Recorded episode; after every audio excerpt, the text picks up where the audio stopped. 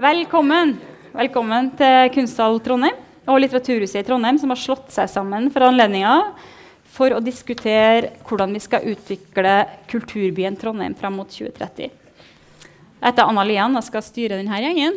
Eh, det er så mange, så jeg må liksom eh, begynne ta sats her nå og begynne uh, å introdusere dem. Per Ananiassen, teatersjef ved ja, Avantgarden Rosendal Teater. Rosendal Teater nå. Uh, så har du Nina Refseth, som er administrerende direktør i museene i Sør-Trøndelag. Og så er det Mathilde Vestavik Austad, billedkunstner. Og Karl Martin Faurby, som er daglig leder for Kunsthallen i Trondheim. Kristoffer Lo, musiker og styreleder i Trondheim Calling. Yes. Og Ida Vi, daglig leder for Tyven bar og scene, skal vi kalle det. Ja. OK. Det var mange. Eh, noen praktiske ting. Vi tenker at Hvis noen har lyst til å stille spørsmål, så gjør vi det mot slutten. Da bare ruger litt på dem, og så tar jeg dem da. Det blir gjort opptak, så vet dere det på forhånd. Sånn at uh, det dere spør om, kan bli lytta til i ettertid. Og do er bak og ut den veien. Og det var det. Da kjører vi. Jeg tenkte jeg skulle starte bare med et sånn lite tilbakeblikk eh, til sommeren 2013. For da skrev daværende kulturredaktør i Adresseavisa, Stian Vallum, han skrev en kommentar. Og I den kommentaren så skrev han bl.a.: Som konsertarrangør er Trondheim fullstendig satt i skyggen av Bergen og Oslo, og nå av Kristiansand og Stavanger. Legger vi til sneglefart i kulturpolitiske saker som kunsthall og litteraturhus, tegner det seg et bilde av en kulturby på vei nedover i divisjonene. Da ble det bråk.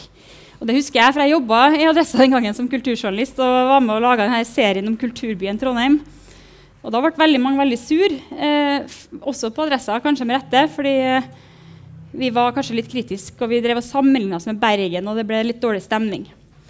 Um, men jeg tenker i dag da, så har vi fått kunsthall. Vi er her nå. Vi har fått litteraturhus. Byen har fått eh, konsertscener, store konsert, eller arena i hvert fall. Så um, der har det skjedd masse. Men jeg tenkte vi kunne ta en sånn kjapp, eh, nesten sånn ja-nei-runde. Sånn, eh, som, hva heter det? mye er på P2 Kulturnytt. Eh, for å begynne. Og det er da Er, er Trondheim en kulturby som du er, eller dere da, hver enkelt, som dere er stolt av i dag? Kjør. Ja. ja. Ja. Ja, dere hører? Ja. Ja, ja eh, så kan vi utdype det etterpå. Ja. Jeg var altså enig at jeg nesten skal si nei, og så kan jeg i hvert fall utdype det etterpå. Tja er vel egentlig ordet. Uh, ja, jeg tror jeg er litt enig med Nina. OK. Men da får dere to an start, eh, for det er artigst kanskje med noen tja. Uh, hvorfor tja? Uh, eh, I 2013 så bodde ikke jeg i byen. Jeg flytta tilbake igjen i fjor. Og så har jeg drevet og tenkt litt på jeg, har, eh, er en sånn type som reiser for å gå på kulturarrangement. Jeg har vært aktiv i litteratur, i teater, film. Og jeg reiste aldri til Trondheim. Jeg var i Bergen, jeg var i Tromsø. Hvorfor reiser ikke jeg til Trondheim? Så kan Jeg si, jeg syns egentlig at det skjer ganske mye i Trondheim. Men jeg synes det virker av og til som vi syns det er litt pinlig. Og det hadde vært likere hvis vi hadde på oss en ball når det skjedde. Eh, jeg bodde heller ikke i Trondheim i 2013, da bodde jeg i København. Og gikk på Kunstakademiet der. Og så kom jeg tilbake hit i 2016 når jeg var ferdig med utdanninga mi, fordi jeg fikk et uh, atelier å jobbe på som jeg hadde råd til. Det var lav leie. Og det er en stor grunn til at jeg faktisk flytta hjem til Trondheim etter å ha bodd i København og Oslo i ti år. Og nå er det et stort problem at det er vanskelig for, uh, for uh, kunstnere å finne en plass å jobbe. Det er ikke nok atelierplasser. Og det, nå er det sånn at folk som er ferdig på Kunstakademiet, de har lyst til å bli her. Og det er en trend som har vart i sånn ett eller to år. Og den trenden kommer til å bare stoppe. Den kommer til å snu hvis det ikke blir noe bedre arbeidsplasser for kunstnere med lav leie, så det går an å være her og jobbe, produsere kunst. Dere som var stolte. Eh, kjapt, hva er dere mest stolte av? Hva er dere trekker frem når dere snakker med noen om Og Trondheim er bra fordi Sånn, sånn. Per. Um, nei, det er oversiktlig. Um, um, til dels. Men det er blitt mindre og mindre oversiktlig. Og det er veldig bra, for det betyr at det er flere som holder på. Og det er mange flere miljøer. Mer mangfold, tror jeg. Uh, så skal vi sikkert diskutere mangfold i en litt annen betydning enn det jeg tenker på akkurat nå. litt senere. Um, og um, Men uh, jeg tenker også at uh, det kan være helt grei øvelse å sammenligne seg med Bergen. Um, det er Altså, Bergen er stør en større by, det er jo, det, det er jo noe greit. Men de har gjort noen ting som er riktig, som er mulig å gjøre her også. Um, men um, ja. Så det, så det, er noen eksempler vi kan, godt kan følge og, og lære av. Og så trenger vi ikke gjøre alt som i Bergen. Altså, det, er en, det er store kulturforskjeller også mellom Bergen og Trondheim. Det vet jeg, for jeg kommer fra Bergen. Og har bodd her i 17 år. 18 år. Og um, Sånn at det, det liksom de historiske eh, linjene da eh, gjør for en stor del at, til at Bergen ser ut som den gjør, kultur- og kunstmessig, i forhold til Trondheim. Um, ja. ja. Vi går, kommer sikkert tilbake til Bergen, for det, det er det som skapa dårlig stemning i 2013 òg. Vi begynte å snakke om Bergen. Men Karl Martin? Ja. Nei, um, jeg burde kanskje justere mitt svar, men, men jo, jeg vil, jeg vil, fortsatt si ja. Jeg er absolutt uh, stolt av, den, av, å være en del av kulturmiljøet i Trondheim. Uh, det jeg er stolt av, det er jo å være, ha så mange som jeg ser som mine kollegaer uh, i byen som står på og gjør utrolig mye bra her i byen. Når folk som, som, Ida, som liksom starter nå opp sånn uten offentlig tilskudd og, altså, Det skjer veldig mye. Det som jeg syns er et stort problem, det er at man som by ikke har en sterk nok stolthet og bevissthet om alt det som skjer. Altså, jeg, jeg har liksom opplevd ganger hvor jeg har sett på fredag lørdag og liksom bare sett Masse åpninger, kunstutstillinger, konserter, foredrag. Masse ting som skjer. Og det blir skrevet så lite om det. Det er så få som er ute og fronter det. Um, så det, altså, aktørene gjør masse. Uh, men det er for få som liksom er ute og fronter det. Hvem det, tenker du på da? Tenker du på media nei, eller folk For eksempel kommunen. Altså det som, at vi som by virkelig tar det på oss. Vi skal være den mest interessante kulturbyen i Norge. Og jeg tror jeg er enig med deg når du sier det der med at det er også litt eh, pinlig kanskje å, være, å, komme med sånne bombastiske utmeldinger for, uh, for, oss her oppe. Vi er i tvil om vi klarer å stå bak det, og vi egentlig helst satser på det trygge. Uh, nå kan jeg si Sting, f.eks. Men uh, altså, hvorfor ikke Rihanna istedenfor? Altså, Men um, det er noe med liksom helst å ville satse på det trygge og det store. og sånn, Oi, nå gjør vi noe stort. Og så får vi en mestringsfølelse gjennom det. Uh, men jeg savner det der med at vi er vi ute, vi, vi, skal være eksperimenterende. og vi skal være Folk rundt skal virkelig tenke hva er det de drikker der oppe i Trondheim. Det skjer ting akkurat nå som er superkule.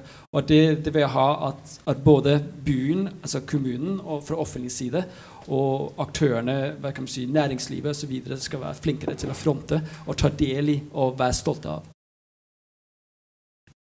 Så det var veldig bra. Uh, altså jeg ser jo Kultur-Trondheim fra mitt ståsted. liksom. Jeg har studio på Svartlamoen, og der øver Motpsycho, og der øver Ola Kvernberg, og, og, og ting er tipp topp og, og, helt konge, og vi har lunsjpauser og oppfører oss som vanlige voksne mennesker. liksom. Så det er helt uh, superkult. Så jeg aner ikke noe om ateliertilstanden i Trondheim, f.eks. Og det uh, skulle ønske jeg visste mer om. Uh, så jeg er kjempestolt jeg, over alt det kule som skjer, og alle konsertene og alle prosjektene og alt mulig.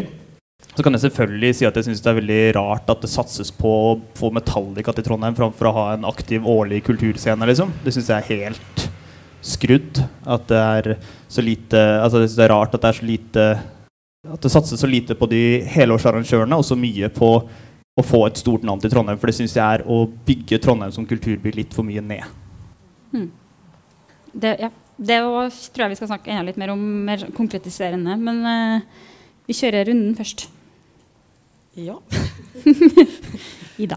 Jeg tenker, altså, jeg lever litt i min egen uh, kulturby Trondheim. Så jeg får jo ikke med meg hva som skjer på museene eller i kunstverden nødvendigvis. Eller uh, Ja, kultur er jo ganske bredt, tenker jeg. Men jeg vet i hvert fall at uh, det jobbes knallhardt i Konsert Trondheim. Helt fra, eller fra UFA til til Granåsen for den del. Men at det er veldig mange som står på for å gjøre Trondheim til en utrolig kul by å være i. Og det er kanskje ikke noe som eh, Trondheim kommune får med seg, f.eks. Um, vi jobber litt i undergrunn, mange.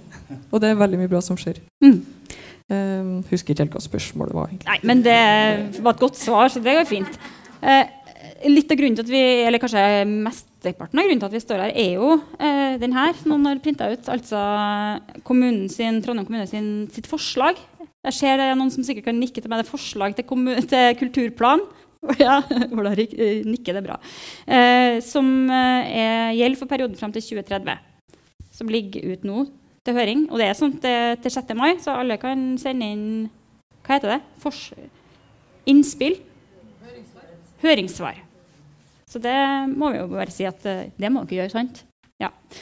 Eh, det er jo den eh, jeg har tatt utgangspunkt i òg når jeg har forberedt hvordan vi skal legge opp samtalen. For den, den er også delt inn i en litt sånn fiffig, på en fiffig måte i, i em, tre kategorier. Og så har den òg et overordna mål som jeg tenkte vi kunne diskutere litt. grann. Eh, det målet som er foreslått, det er jo da at kunst og kultur skal være en bærende kraft i utviklinga av Trondheim fram mot 2030. Og så står det òg at sånn konkret at Trondheim kommune skal arbeide for å øke prosentandelen til kunst- og kulturformål fra 2% til 3% i perioden. Og at byen har en uttrykt ambisjon om å bli europeisk kulturhovedstad.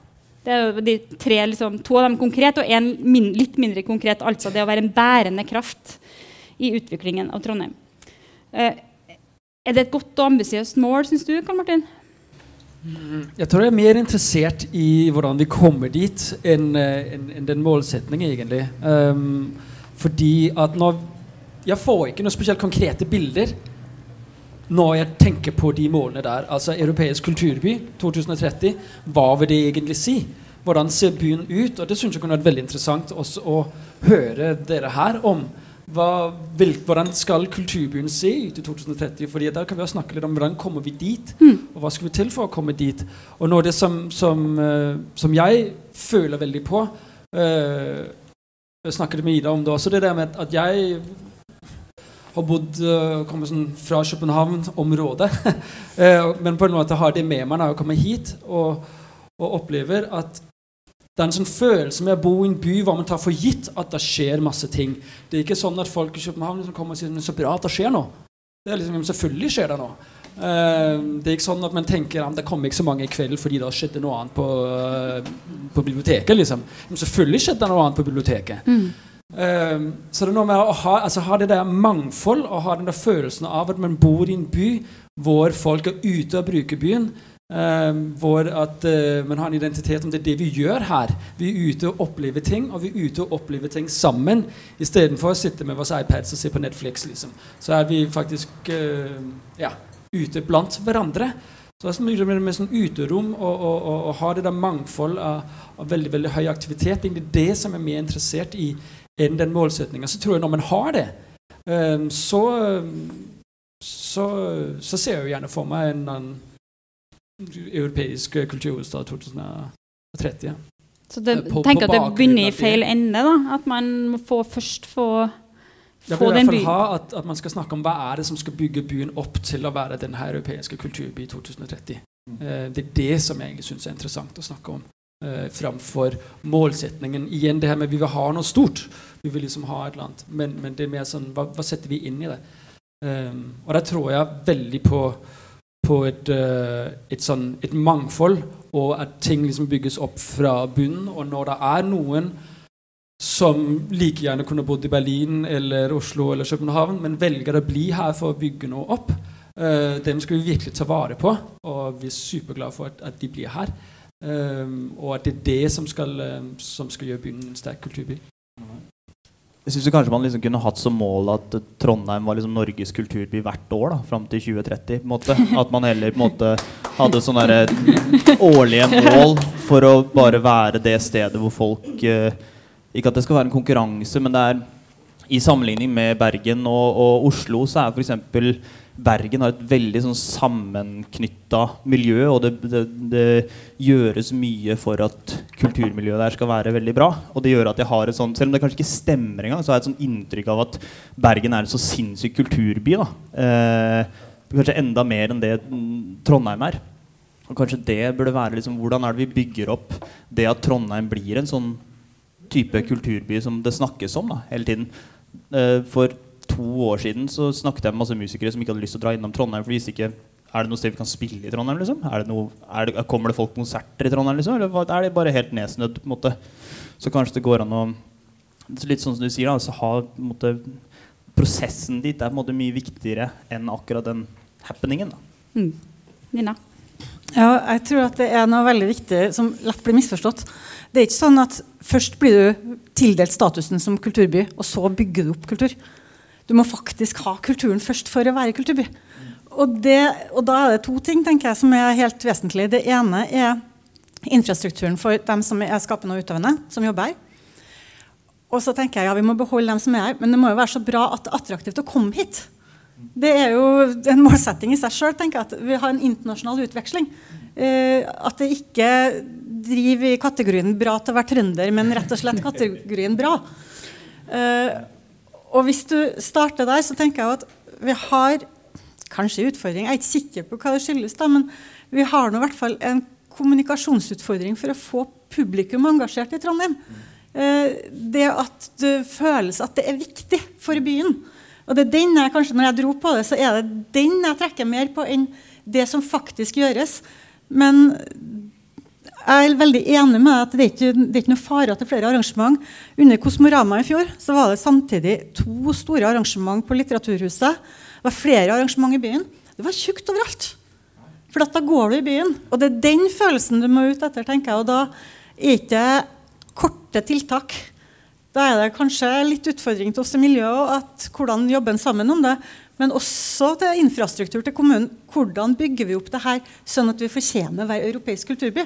For da, følger det med, da begynner hjula å rulle, tenker jeg. Mm. Ja, eh, er helt enig med dere. Eh, I 1992 så eh, bestemte aktører hele, som representerte hele bredden og dybden i bergensk kulturliv så er for å en, lage en kulturbevegelse som endte i en en kulturhovedstads, uh, et kulturhovedstadsår i 2000. Uh, det skjedde ekstremt mye de, mellom, de årene, mellom, de to årstallene, altså i de åtte årene. det ble en konsolidering, og det ble, det ble den sinnssyke kulturbyen som, som faktisk det er. da. Altså, The Guardian kommer dit hvert år for å sjekke hva som skjer der oktober, på Oktoberdans og på Festspillene og på eh, BIFF, Bergen internasjonale eh, filmfestival, eh, og sikkert på jazzfestival, Nattjazzen. Også fordi at det som skjer der, holder så høy kvalitet. Um, det er jo ingen grunn til at ikke det samme skal kunne skje her. Men uh, jeg tror at um, hvis, man skal, hvis man skal ha sånne målsetninger som dette Jeg er helt enig i målsetningen, jeg, altså, men det, det betyr jo ingenting hvis ikke, det, hvis ikke, man har noen bilder i hodet som du er inne på, for hvordan man skal nå altså det. er ganske typisk hvis man går ut på, ut på brattdøra um, Jeg kan uh, bruke en, en lignelse.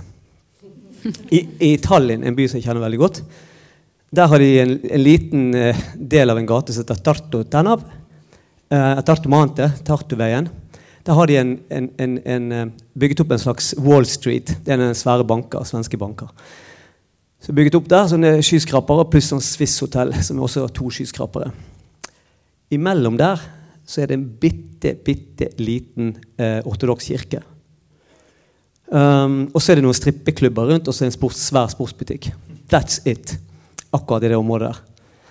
Går du på Brattdøra her, så er det Indrefileten av Trondheim er blitt gjort, gjort, om til en kontorplass. Bortsett fra en bitte, bitte, bitte lite uh, um, Hva skal jeg si Ambulerende uh, galleri, Rake, som sikkert skal vekk derfra igjen.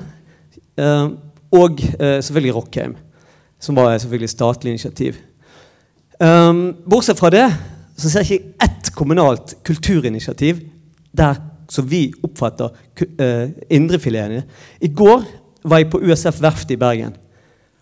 Og Der satt vi ute i solen og koste oss ved siden av uh, et bygg som rommer masse gallerier, uh, masse uh, atelier, galleri, Cinemateket, Filmklubben, Blackbox for diverse teaterprosjekter, flere konsertsteder og spisested og drikkebule. Sitter vi på kaien her, Det er flere hundre mennesker der eh, som sitter ute på dette kulturhuset. Og det gjør det hver eneste dag. gjør det det. Um, det er indrefileten. Rett ved siden av så drev folk og badet i Byfjorden. Puddefjorden heter det. Uh, hvis, og så Jeg gikk med teknikeren vår forbi eh, Nordnesbadet, som ligger rett utenfor. på Nordnes. Så sier han Oi, ja, det var finere enn eh, sjøbad i Trondheim, ja. Det ligger i en park. Det er vanvittig vakkert. Det ligger ikke ved siden av en bilvei med kampesteiner rundt seg. Så det er mulig å gjøre ting i, i Trondheim òg, men nå må man få hodet opp av, eh, av de visjonære planene sine og så gå inn i virkeligheten. For virkeligheten finnes der ute, og den er mangfoldig, og det er masse som kan gjøres, Ola. Bare si det til dine politikervenner. Jeg må si sånn som Skavlan, for Trondheim kommune er ikke her oppe til å forsvare seg nå. Jeg føler at det var liksom litt, Men de sitter jo der, da. Så, ja. ja, men jeg tenker på Jeg føler det, det er jo en del frustrasjon over noen, og det over, over noe av det som skjer. Eh, håp er bra. Men jeg tenker at noen av dere som er her, er jo kulturledere og kan jo gjøre eh, grep også. Eh, så det er jo litt sånn interessant å, å høre hva hva kan vi, hva kan vi, vi gjøre, da? Hva kan dere gjøre? Eh, og det er jo også litt interessant å høre at eh, Bergen har vært nevnt sikkert eh, 30 ganger nå på den første halvtimen. Eh, og det er jo litt symptomatisk for hele mentaliteten i Trondheim at vi ikke ser verdien i det vi har. Jeg bare husker Sist jeg satte meg inn her, så viste det seg jo at vi var jo mye bedre enn Bergen når det gjaldt eh, bibliotek. Bare se på Berit, det er bare sånn kulturfolk i salen her nå. Eh, jeg vet ikke om det fortsatt er sånn. Jo. Eh, og på, jeg tror på kinobesøk tror jeg vi var bedre. Og når det gjaldt eh, kulturskole Så det, er det, det jeg vil over til, da, er den folkelige kulturen. For jeg tror at konklusjonen den gangen debatten gikk i 2013, er at ok, vi, er ikke, vi, vi hadde ikke, den gangen vi har ikke kunsthall, vi er ikke fancy som bergenserne, men vi har den mest eh, hva skal jeg si, inkluderende bredde, beste breddekulturen. Har, det, har ikke det en verdi? Og er det en identitet der som vi litt sånn skammer oss litt over? Men er ikke det litt sånn å undergrave folk og si at folkelig kultur er liksom mindre viktig enn en kunsthall? Eller altså på en måte eh, Folk går der hvor det er tilbud. Det er jo sånn det er. Og desto mer man bare eksponerer folk flest for, desto mer er de villige til å oppdage og se og, og finne ut av. da. Mm. Og det er vel der jeg tenker at desto mer man pensler hverdagen over på det som skjer i hverdagen, det som folk flest kan oppleve hver dag eller i helgene og sånn, framfor å pensle over på at det er så utrolig stas at Sting skal stå nede på et gjenfylt eh, vannhull nede på solsiden, liksom. At det føles litt sånn derre her, se her, Lokke, vi er ganske kule, liksom. Istedenfor at det er faktisk masse konsertscener, masse, det er kunsthall, det er litteraturhus, det er kinoer. Det er alt mulig som foregår hver dag, hele tiden. Og det er jo den folkelige kulturen. Det er jo det som man måte, det som skaper et kulturliv. Det er det som gjør at unge har lyst til å holde på med kultur. Legge ned eh, luftvaffer, håper jeg, eller, sorry, eh, luft, eh, Luftforsvarkorpset så ødelegger du for uh, alle barn som har lyst til å spille korpsinstrumenter. Liksom, for der har de ikke plutselig instruktører lenger. Altså, det er hverdagen. Liksom, det er den folkelige kulturen. Og folkelige kulturen er det folket blir utsatt for, og det tilbudet de får. Og det tror jeg er enormt viktig å satse på. Mm. Nina, eh, eh, når, da du ble ansatt, så sa du noe som, eh, til adressene noe sånn som at du ønska at flere publikummere skulle eh, komme til museene. Eh, tenker du da på eh, flere, som jeg forstod, det, flere grupper og bredere grupper? Eh, har dere lykkes med det, og hvordan jobber dere med å få til det? Altså at ikke det er de samme som går om og om igjen, men at man får engasjert hele byen. Virkeligheten er at vi vet litt, litt om dem. Jeg hadde lyst til å si at det, altså, I fjor så var det 500 000, over fem, nesten 500, 600 000, som besøkte et museum i Trøndelag. Det er veldig mange flere enn dem som gikk på fotballkamper. Altså, ikke hvis du regner med alle fotballkampene, men dette er faktisk folk som, som går inn og skal et eller annet der. Uh, ikke riktig alle dem løser billett, men bl.a. er det fordi vi har unger inn gratis. Unger under 16 år. Jeg tror at av, en av utfordringene til institusjonene da, er at vi blir veldig fornøyd der vi er. Eller vi, vi, jobber så tungt der vi er, og vi er ikke flinke nok til å komme oss ut og Målet er jo ikke å få uh, nye folk til å komme på kunstutstilling eller på museum for å være snill. Det er faktisk fordi vi har offentlige midler. Og da skal vi tilby en kvalitet som er relevant for alle sammen. Så jeg kan få lov til å ta en digresjon, for jeg er styreleder på Norske Teatre. Hvis det er én ting jeg er innmari stolt av, så er det at man satte seg en ambisjon der om å få et mer mangfoldig publikum. Altså få folk med ikke-norsk bakgrunn til å begynne å gå på teater. Og da er det ikke et prosjekt. Da går det ikke an å ta ett stunt og tro at du er ferdig. Da ble det en elevskole. Da ble det barneteater. Da ble det endring i repertoaret. Og nå er det altså øh, scene på Oslo øst, ute i drabantbyene. Mm. Og det betyr at du har hijaber i eh, premieresalen. Da har du fått til noe. Det, men det kommer ikke sånn. Og det tror jeg er en utfordring til institusjonene. Både til å få inn nye grupper. Hvordan kan vi flytte oss andre plasser? Og kanskje tror jeg, og at vi kan være enda flinkere til å tenke om det er små eller store institusjoner. Hvordan kan vi samarbeide? Uh, I stedet for at vi har hvert vårt prosjekt hele tida. Eh, vi har ikke hele tida, men hvis det skjer noe uh, Hvis det er Kosmorama i Trondheim, så burde jo gud fader meg hele, altså Museene burde jo programmere sånn at vi tenkte at nå skjer det. Uh, da burde det være en debatt på Kunsthallen og på Litteraturhuset. For jeg tror det kom enda mer folk. Så jeg er enig i noe av utfordringene til kommunen. Jeg tenker også at det er en utfordring til miljøene hvordan vi samarbeider. Jeg, er ikke skyldfri, den, altså. Men, men, det er en langsiktig Jeg tror ikke målet er at det skal komme um, ja, et artig tall. Jeg prøvde å forklare at i Trondheim kommune så er det 27 000 vi nesten ikke har innom. Grunnen til at jeg kan identifisere dem, det er at det er 27 000 som har opprinnelig et annet statsborgerskap i norske Trondheim kommune. Og de er ikke hos oss. Eller få av dem er hos oss. Uh, da gjør vi en dårlig jobb. Men det er jo akkurat det, for det her med mangfold og inkludering er jo en stor del av planen nå. Så vi kan godt ta den nå mens vi, mens vi er der. Eh, du, det er jo veldig greit du sier at dere gjør ikke en god nok jobb, men det er jo på agendaen da, helt tydelig hva slags konkrete tiltak gjør dere, da, som har så mange institusjoner som, eh, som du har ansvar for? Hva, hva, gjør dere for å sørge for at ikke bare det er et skolebesøk som folk kan bli liksom dratt med på, men at det også kommer ikke-vestlige innvandrere av, av, egen vilje, eller minorite, andre minoriteter, inn i museene? Ja, det er nå en, eh, en, lang prosess, holdt jeg på å si. Og det er der jeg sier at det henger sammen litt med hvordan tolker vi, hva slags utstillinger vi har, hva det viser fram. Mm altså Citra er et godt eksempel. De har 70 språkområder på ett museum. Hvordan får du de ungene til å synes det er interessant å høre om fiskeritradisjonen uh, når det er ikke din bestefar? Det er faktisk en helt ny historie. Uh, så foreløpig har vi kommet så langt at vi har begynt å stille oss spørsmålene. Og så må vi fortsette derfra. Og En ting jeg har veldig lyst til å understreke. Det er ikke være snill. Det er for det første så kan man si en, en kynisk kommersiell bit. Det er en oppgave men det er en kvalitetsoppgave. Vi har veldig godt av å få flere blikk på det vi holder på med. Det er ikke, dette er ikke en motstrid mot å heve kvaliteten. Tvert imot. Det henger sammen. Mm. Eh, per, dere eh, har jo så langt vært mest et programmerende teater, men eh, som jeg skjønte, så kommer dere til å produsere litt mer nå? dere kommer på Rosendal. Um, og det har jo vært en debatt når vi er inne på det med, med mangfold i teatret. Da. Så har jeg bl.a. vært med og kjørt den litt sammen med min podkastmakker Asra eh, mot Trøndelag Teater. Eh, men på Rosendal Teater, hvordan, eh, hvordan, blir det? Vil vi se mer eh, lokalprodusert eh, teater fra minoritetsmiljø, f.eks.? Ja, Hvordan jobber dere ja, det? håper jeg. Altså, jeg, jeg må bare få korrigere litt grann, eh, beskrivelsene av oss. Fordi at uh, Vi kommer ikke til å bli et produserende teater det, det, det, tror jeg folk får et bilde i hodet av som ligner Trøndelag Teater.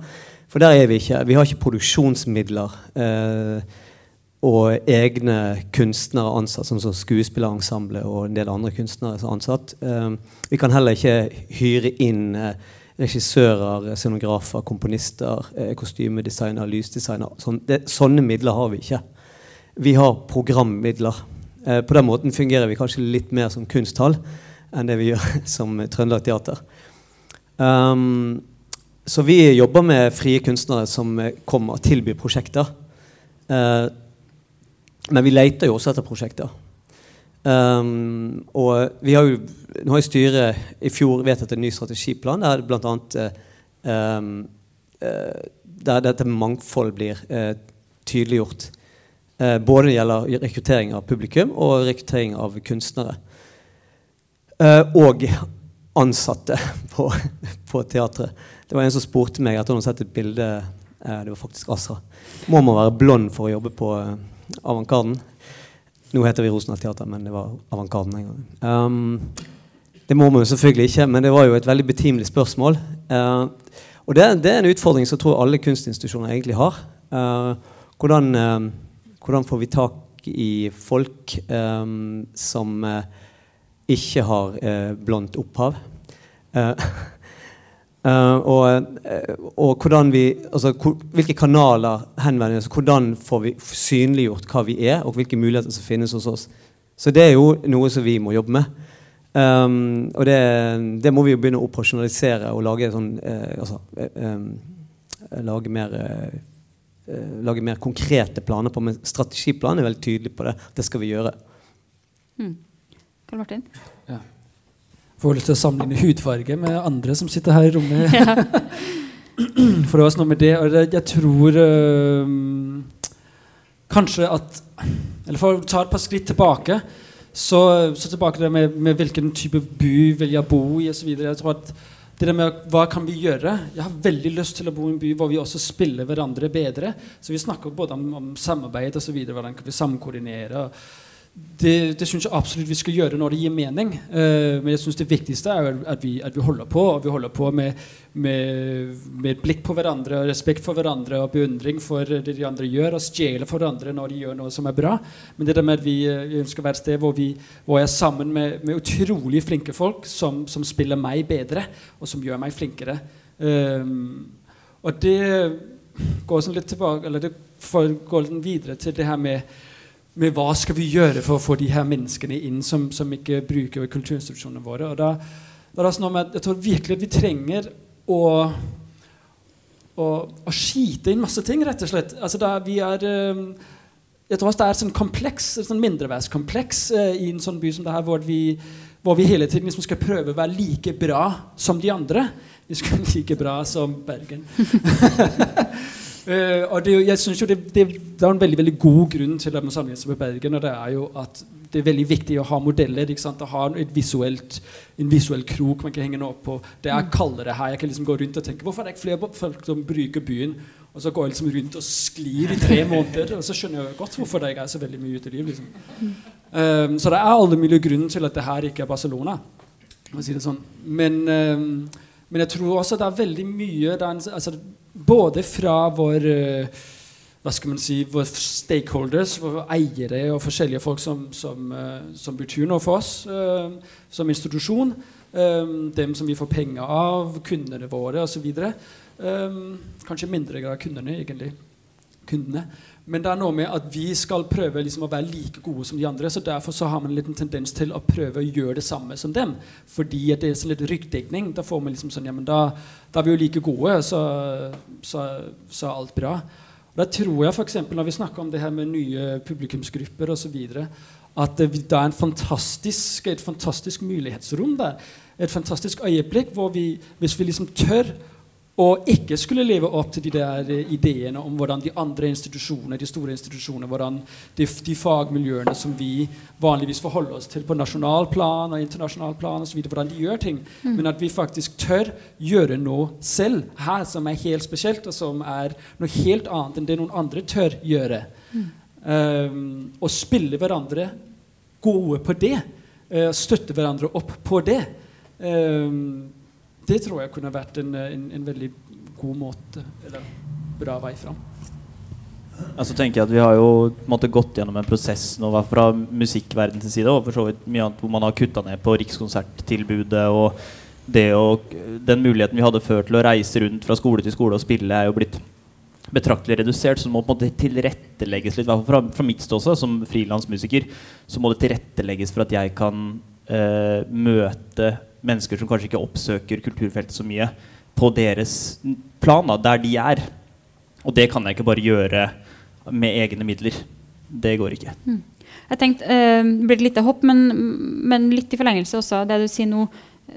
Ida og Kristoffer, dere som er i, i konsert- og. Uh, uh,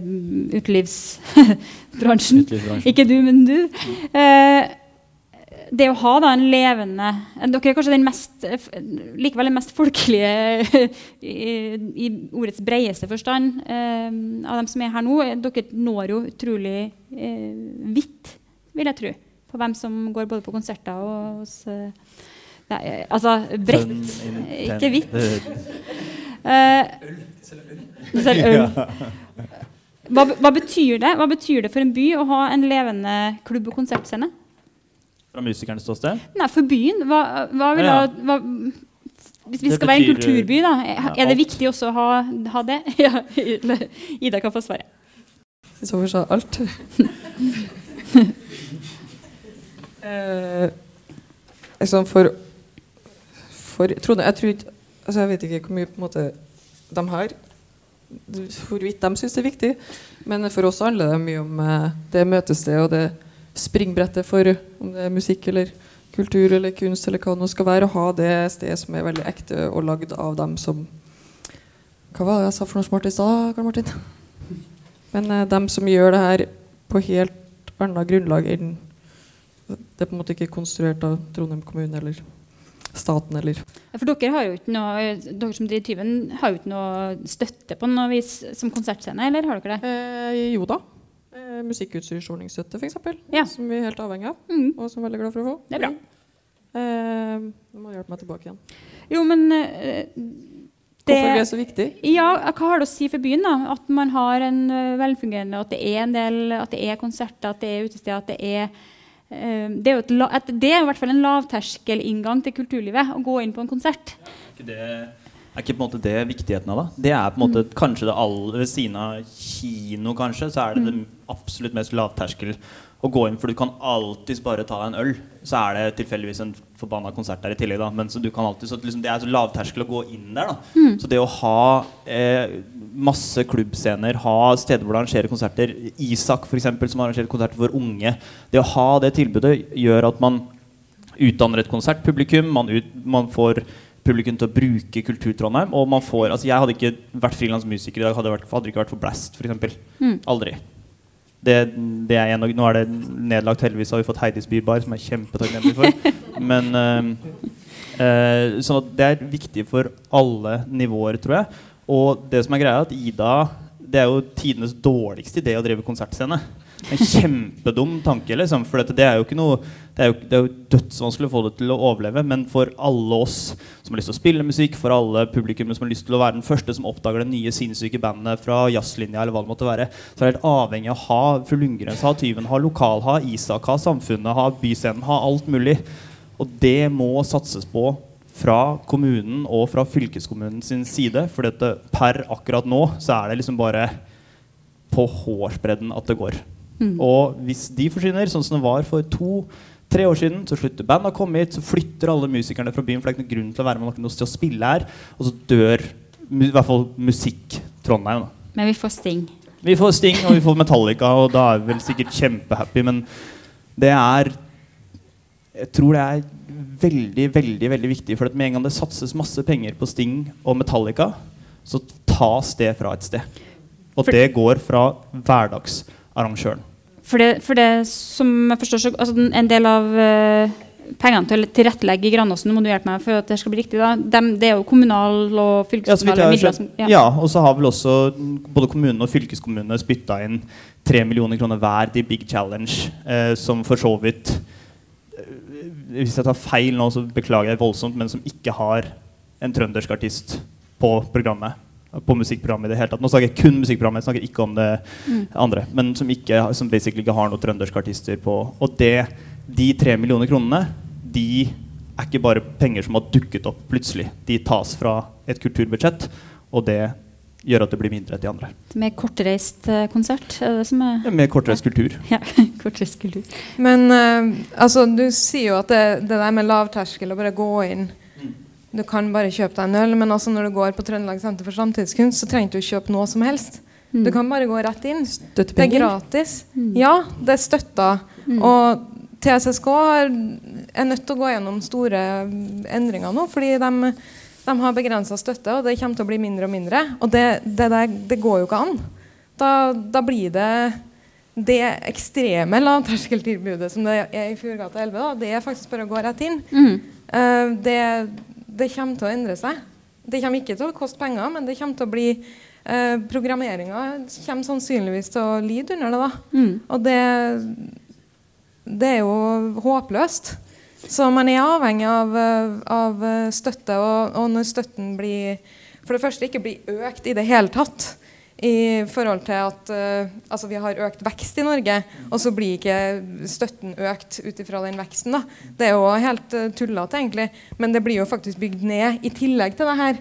Og da, da Altså eh, Det er kjipt å være den negative, liksom. Men det, det er vanskelig å ikke være det. Men kan du fort, uh, uh, det er egentlig en fin overgang. Det er fordi vi startet egentlig, det er ikke sikkert dere fikk med dere, men jeg hadde en plan om å starte med det fol folket som var I den tredelinga i, i planen så er den delt av i folket og kunsten og byen. Og nå har vi snakka en del om det folkelige og om publikum.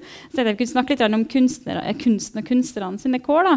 Eh, og, og du som da er, er billedkunstner og, og jeg vil da tro selvstendig næringsdrivende.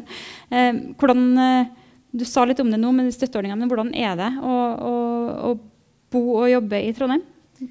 Og hva er det du trenger ja, eh, av endringer for at det skal gå an? Det er godt å være kunstner i Trondheim hvis du har eh, en plass å jobbe.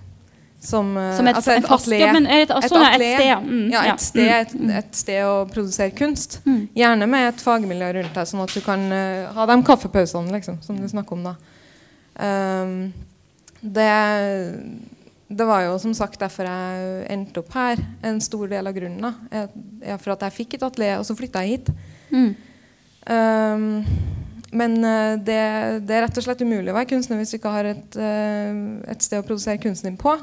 Eh, gjerne et sted som har så lav leie at du ikke ruinerer deg selv. For du finansierer jo stort sett din egen kunstpraksis når du er kunstner. Gjerne med deltidsjobber. Mm. Jeg har to. Og ja, det Det er ikke så lett, rett og slett.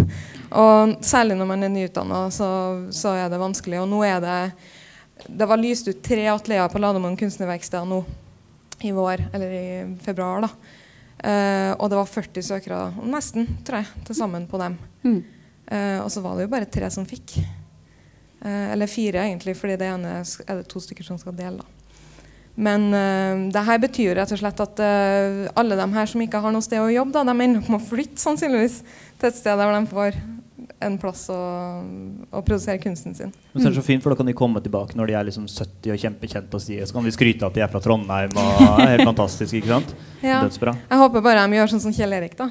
Kjell Olsen, mener jeg. Kommer tilbake og bruker alle pengene sine på Trondheim. Det er, det er jo helt fantastisk. Mm. Så flere av han, liksom. Men, eh, Hvis vi skal ha folk å skryte av i framtiden, så må vi tilrettelegge for de i nåtiden. på en måte. Ja, og det, det er vanskelig når man ikke får lønn. Eh, og, og man betaler i dyre dommer for å leie atelier privat. Så det, det trengs. Og det er jo en atelierordning i Trondheim kommune, men den er ikke bra nok. Den Fordi det er for få plasser? Er det det som er Ja, det er det at du kan, eh, du kan gå sammen fem kunstnere eller mer, da, så får du en viss støtte fra Trondheim kommune. Du kan søke om penger til å starte et atelierfellesskap. Men uh, problemet er at uh, det, de private aktørene er, eh, er ikke interessert i å leie ut til kunstnere, fordi det, det er noen skatteregler som gjør det veldig vanskelig for dem, så de taper ganske mye penger på det. Og altså, det er ingen eh, i det private næringslivet som er villig til å ta penger.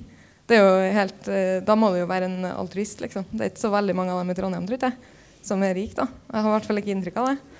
Så Hvordan er det her på musikksida og øvingslokaler og sånne ting? Er det samme situasjon, eller er det bra? Uh, ja, nei, det er jo den Jeg vil jo si at det er, det er ok, men det er jo akkurat, det er akkurat samme. Det er jo samme for alle kunstnere, liksom. Det er jo liksom bare at det, det er ofte lettere for Bitte litt lettere for uh, Uten at jeg skal på en måte slå beina under masse kollegaer, men det er ofte bitte litt lettere for musikanter. For musikanter er så mye mer sånn derre Spille konsert der, der, der, der. Det, går så mye raskere da Og på en måte mm, lage en låt eller spille en plate. Det, det tar ikke så lang tid. Sånn at uh, man er litt, bitte litt mer synlig. Men uh, fremdeles er det jo sånn Jeg vet hvis jeg fant noe tall på det, men jeg er jo fra, gått på jazzlinja. I mitt kull så er det to av 14 som ble igjen i Trondheim. Resten flytta til Oslo. Fordi at det, det ikke er noe Det er ikke nok eh, øvingsrom, det er ikke nok eh, på en måte arbeidssituasjon her da, for musikere. Men jazzlinja er jo også en av de vi trekker fram når vi skal snakke om det vi er stolt av i byen. Så det er jo et ja, paradoks, tenker jeg. at da, Men hvor blir de av? Mm, ja. Må jeg bare uh, fort uh, spørre sånn til dere sånn, utøverne. Altså En ting er liksom sånn øvelokale osv. Hvordan er Trondheim som by å være kunstner i i forhold til et miljø? Altså Er det sånn at føler man, man, man, man kommer man i kontakt med dem som man gjerne vil utstille hos? Vil det ha vært en fordel å bo i en annen by uh, i forhold til ens hva skal man si, karriere eller ens uh, arbeidsmuligheter? Fordi det er jo begrenset med utstillingssteder her, selv om Mm. det har kommet flere. Ja, det, det kommer flere, men nå forsvinner jo Rake, da, så det er jo, det er veldig trist. Men uh, ehm, man kommer veldig fort inn i kunstmiljøet. Altså jeg, jeg hadde jo vært borte i ti år når jeg kom hjem og hadde gått på et kunstakademi i København, så jeg hadde jo ikke noen kontakter her i det hele tatt. Altså når jeg flytta fra Trondheim, så hadde ikke jeg noe kjennskap til kunstmiljøet i det hele tatt. Så jeg kjente egentlig bare mamma og pappa når jeg flytta hjem.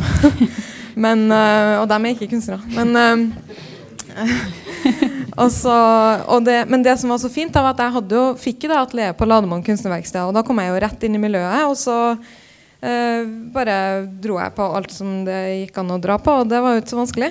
Fordi det, det var én ting noen i, i ny og ne, liksom. Så, så, da, så det er veldig fint. Og så er kunstmiljøet inkluderende.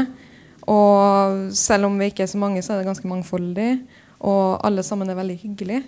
Så det er en fordel. Men det er jo ikke så mange plasser å stille ut, nei.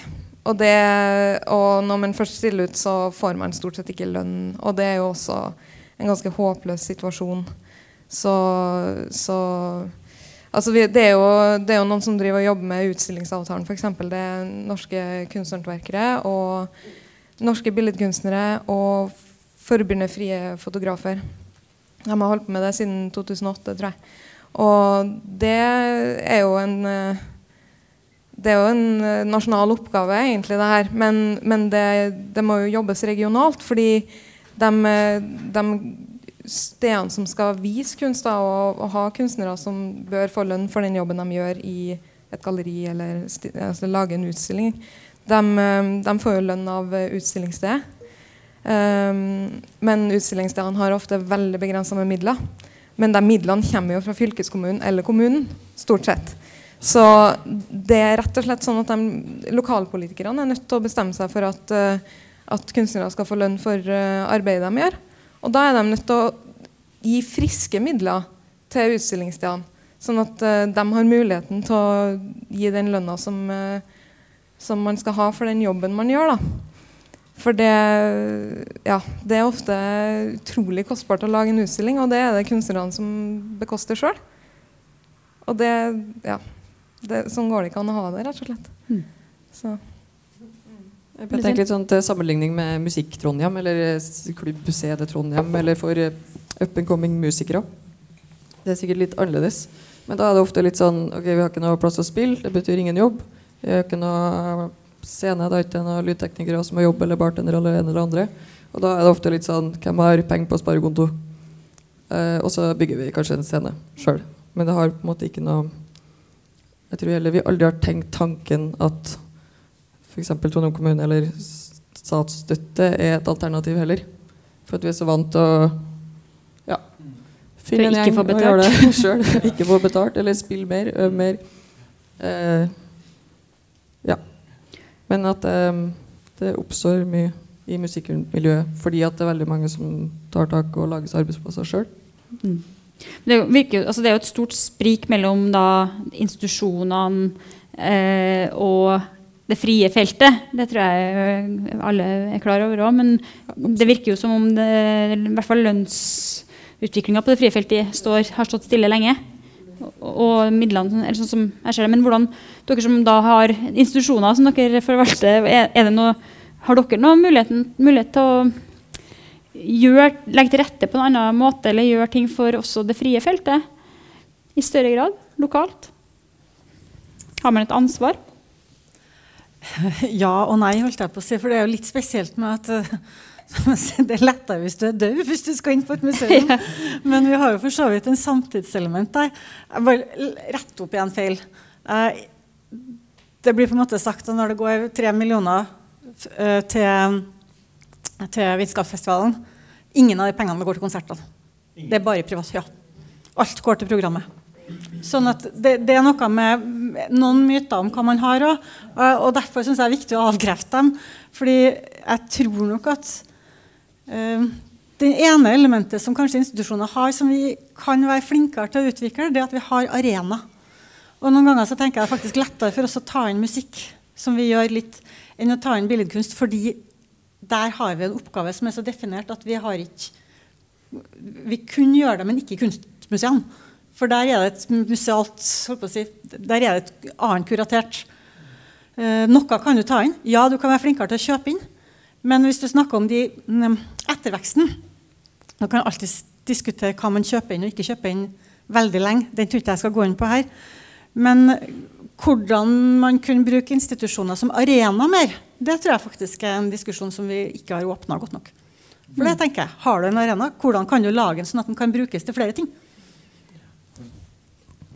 tror jeg også at uh, Litt sånn som jeg innimellom opplever uh, bilbransjen, uten sammenligning for øvrig i det hele tatt. da Men uh, de har jo en tendens til å ja, ja, men De har jo en tendens til å flokke seg sammen. ikke sant? De plasserer alle butikkene sine på samme område.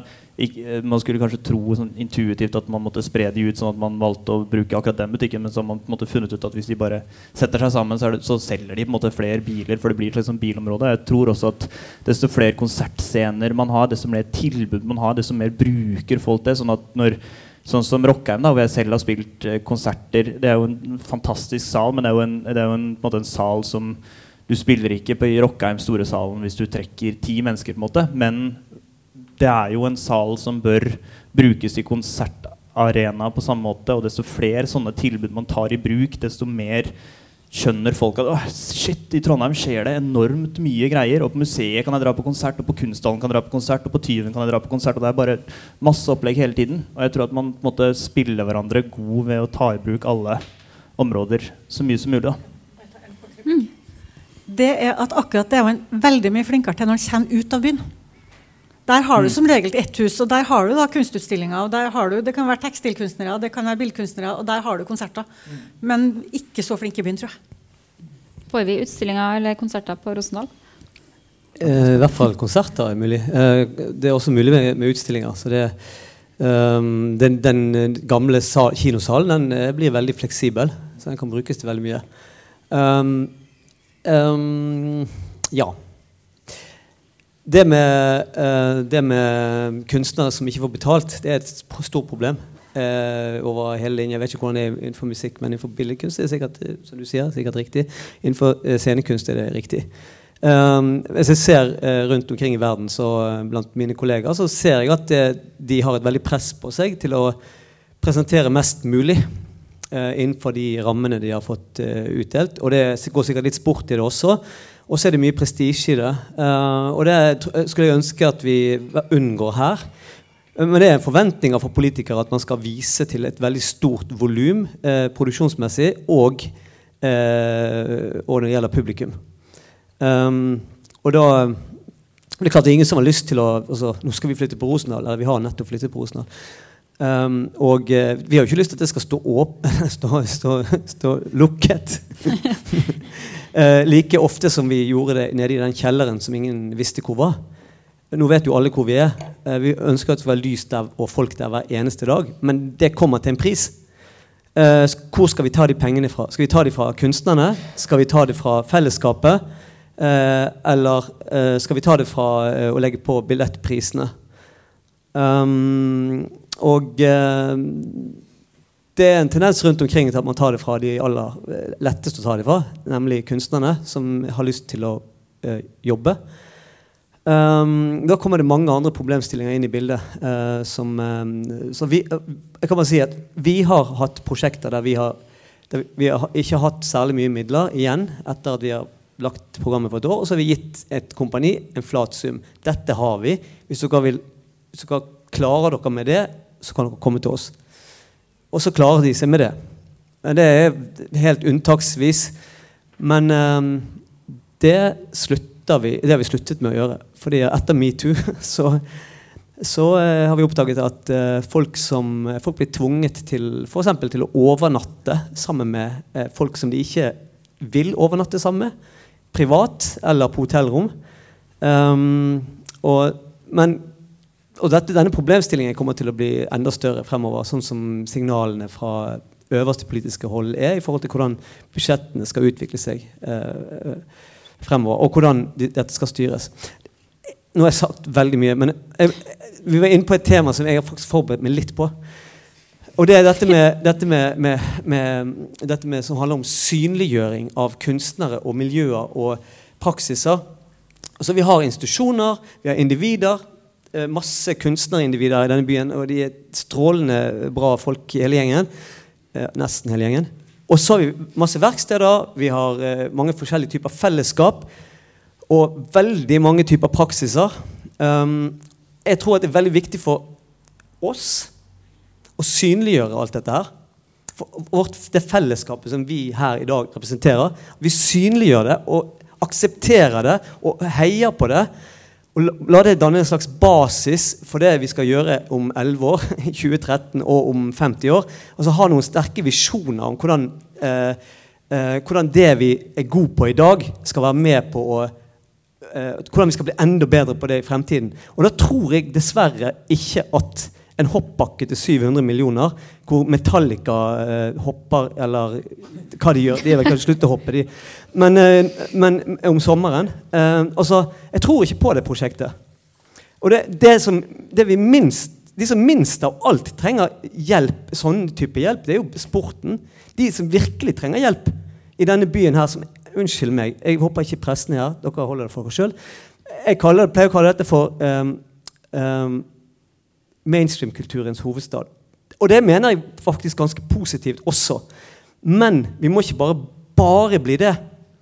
Hvis, vi, hvis det er 700 millioner som skal til den skihoppbakken hvor det hopper 50 i første omgang og 30 i andre omgang, én gang i året, da, da, tenker jeg liksom, hva, Hvor vil man med en sånn plan? Altså, Hva er visjonene her egentlig? Så ja. Men det er jo et valg. Til høsten. Eh, ja, nå hadde jeg egentlig et eh, spørsmål til deg, Per, men jeg tror jeg hopper over det. Kan du få tenke vente litt? Uh, fordi uh, også i planen så står det en del om det her med kunstens rolle da, i samfunnet. Jeg vet ikke om det har alltid stått der, eller om det er nytt, men i hvert fall så står det at det her med prinsippet om kunstnerisk frihet, hvor viktig det er, og at kunstens rolle i samfunnet blir stadig viktigere, og at det her armlengdes avstand prinsippet også eh, må ligge til grunn for Trondheim kommunes eh, kunstpolitikk. Og tenker jeg Den debatten som har gått nasjonalt òg, i, i kjølvannet av Ways of Seeing og den ytringsfrihetsdebatten eh, Det er ikke sikkert eh, det er så veldig aktuelt for alle her, men eh, egentlig der jeg skulle dra inn deg, Per. Men jeg kan ta Karl Martin som eh, Hender det at har du noen gang eh, hatt noen sånne etiske eller eh, mer sånn juridiske eh, avgjørelser hvor du har tenkt kan jeg, eh, sette, så kan jeg kuratere det her, kan jeg sette opp det her? Er det, er det politisk for kontroversielt? Har du noen gang vært i tvil? Altså, da, er Veldig ofte så oppstår det sånne diskusjoner, og det er uh, bra uh, i kunsten. Et et godt eksempel er den utstillingen vi har nede, som er et eh, et uh, avgangsprosjekt eller et prosjekt av en ph.d.-student fra Kunstakademiet her i Trondheim. som har fulgt uh, malisisk, et malisisk landbrukskollektiv gjennom mange år. Uh, og så tar han liksom den dokumentasjonen som, de, som, mange de har laget, og som han selv liksom lager og medvirker til å skape, og har utstilt her. Um, og det ble jo plutselig en, en, en, stor diskusjon at nå skulle en, en franskmann uh, lage en utstilling om Mali, den walisiske kolonihistorie. Liksom, um, så, så da, men det må vi diskutere, og så må vi finne løsninger på det. og liksom sånn, bruke lang tid på å diskutere det. Jeg tror personlig så er det mye, mye sterkere sensur innad i kunstverden i forhold til hva som er god smak.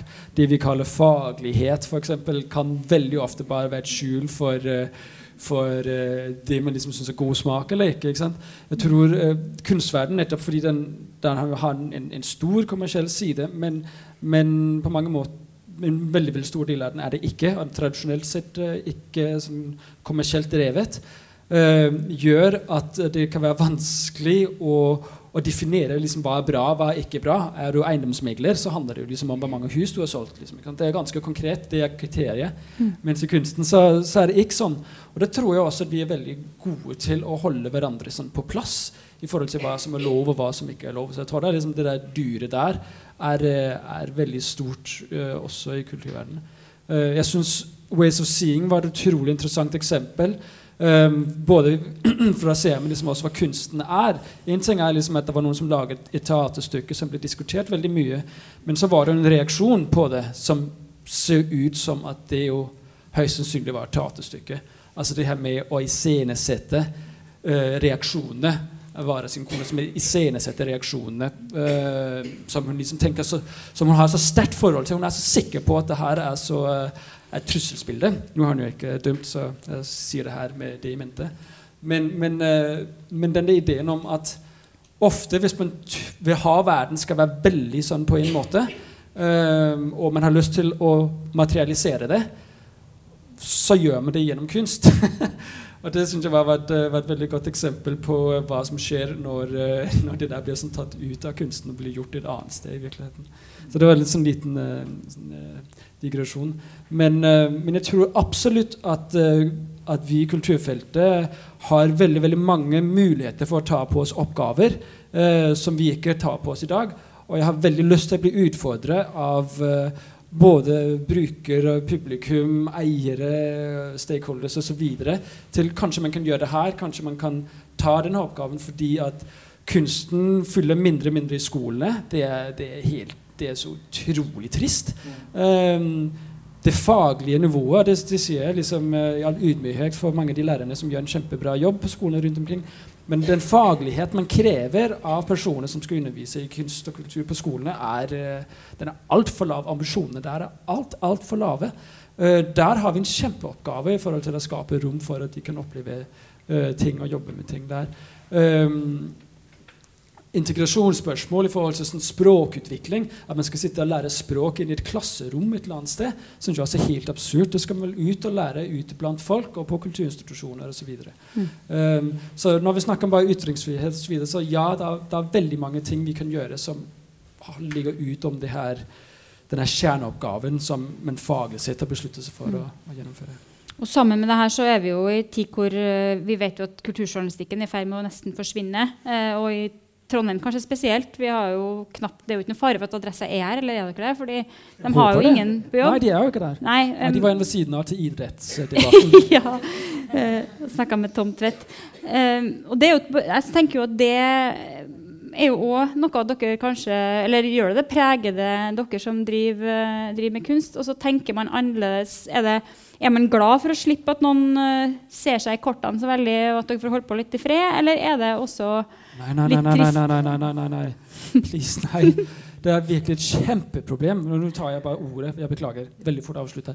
Det er et kjempeproblem at det er så få som vil og kan uh, skrive godt om kunst og kultur. Uh, og det er en annen oppgave som jeg tenker vi som institusjoner må gå inn i. rett og slett Vi må lage vårt, vårt eget medie.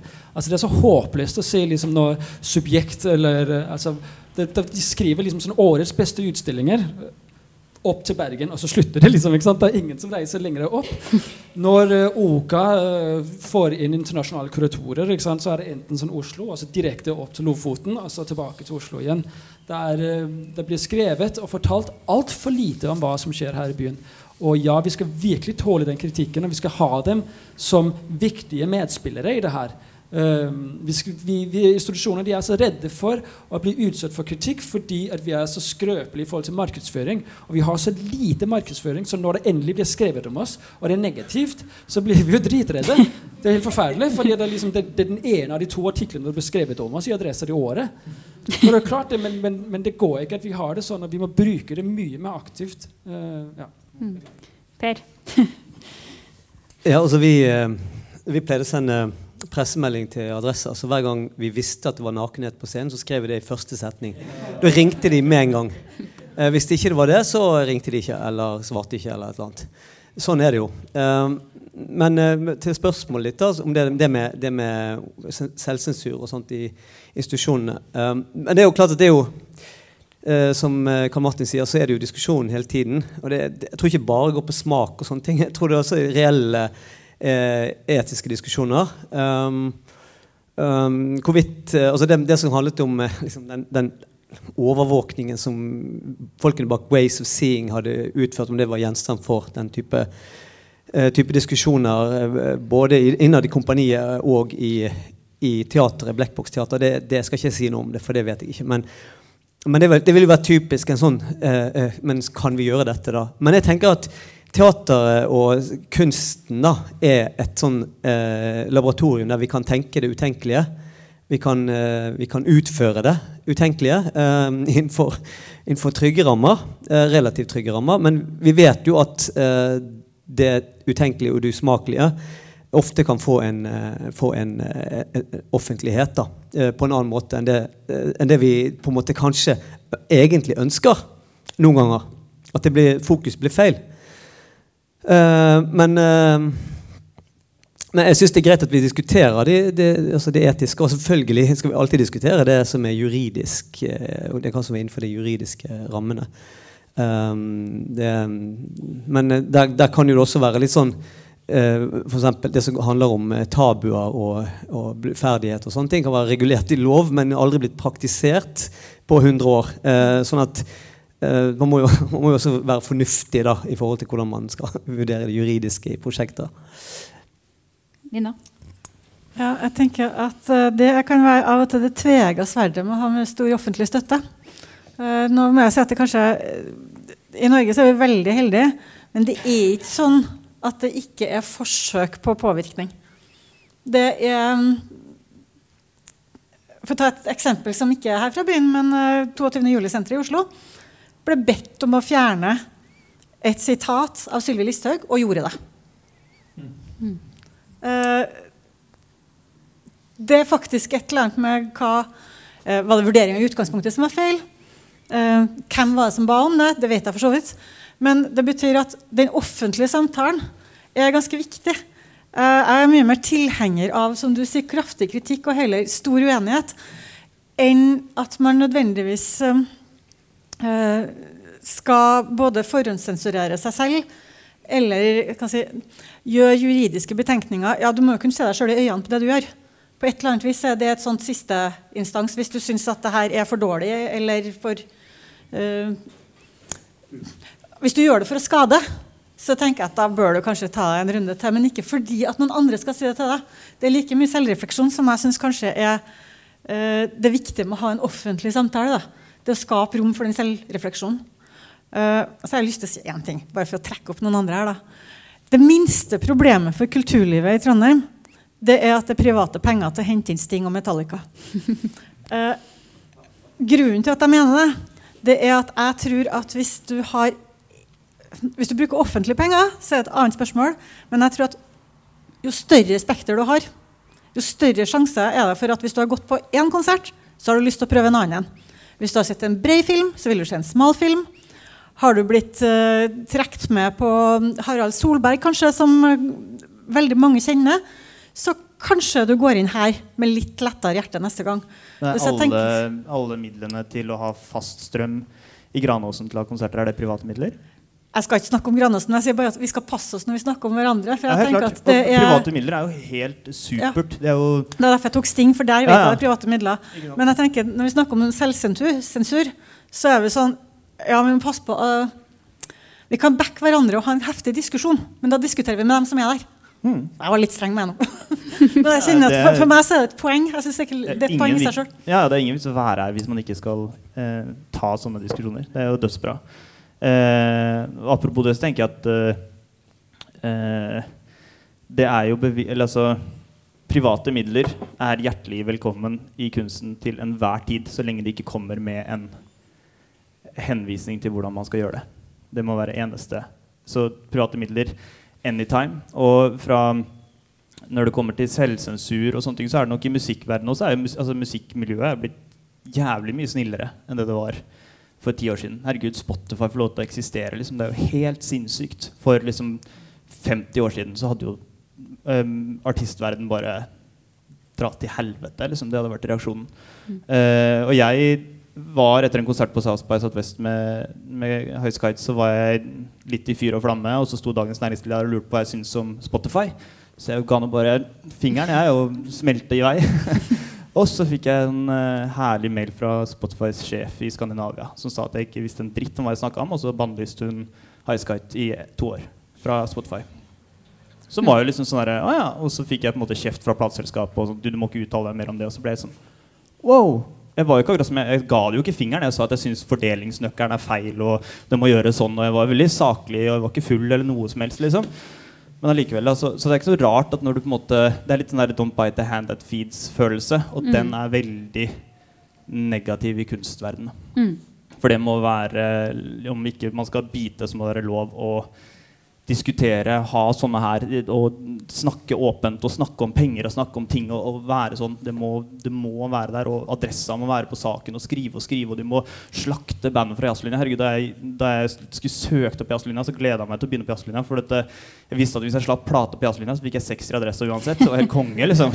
Det var jo safe. Sånn at, eh, og sånn kan det ikke være. Vi må, må være lov å snakke høyt og ha meninger og være uenige, liksom. Ehm, jeg tror også at det er en utfordring for kulturlivet som føler seg kanskje mer skrøpelig enn det egentlig er, men, men føler seg men så sånn utsatt. Og det er noe som, som jeg tror vi lærer fra et veldig veldig tidlig tidspunkt. Uh, jeg kan kanskje bare snakke for meg selv, kanskje noen som er, som er tøffere i trynet. Men, men det er nok noe med det der med hele tiden liksom er, altså Ens eksistens er hele tiden sånn uklar. Og jeg vil si, uh, Nå er jeg en av de mest privilegerte som, som, står her. Men det er ikke mer enn to år siden at jeg var uh, frilanskurator. Uh, Samtidskunstkurator. Det jo sikkert ingen som vet hva det er engang. Høres ikke liksom- fett ut sånn Nei, det var betalt. virkelig ikke noe man tjente selv mange penger på. Men og da husker jeg, og da var det jo liksom bare det der med å være sånn superglad bare det kom litt, og, og hele tiden liksom sånn manøvrere sånn så man, man gjorde noen andre glad så de vil jobbe med deg. Og da blir vi egentlig en veldig veldig dårlig eh, samtalepartner til samfunnet. Eller vi, altså, eh, det tror jeg det har egentlig bare lyst til altså, å, å si ut at det er kanskje for så vidt eh, alle sitt ansvar. Men jeg har grad også mitt eget, som, som skal prøve å avlære eh, den, eh, den rollen. Jeg tror vi skal begynne å tenke på en slags avrunding, eh, og gjerne spørsmål. Jeg skal bare ta en runde på alle til slutt. Um, fordi nå har vi da fått kunsthall, vi har fått litteraturhus og vi har fått eh, mye annet pent og fint og bra. Men hva er det neste store vi bør få på plass i Trondheim innen 2030? Hva er, eller store, eller hva er, det, hva er det dere mener Trondheim trenger? En runde. Da mangler vi. Jeg vil. Ja, hvis du vil. Eh, sånn for Trondheim, eller sånn for egen eh, Nei, du får lov å være personlig. Personlig? Trondheim kommune. Nye skjenkeregler, tusen takk. Da kan vi finansiere eh, mer kultur med ølsalg.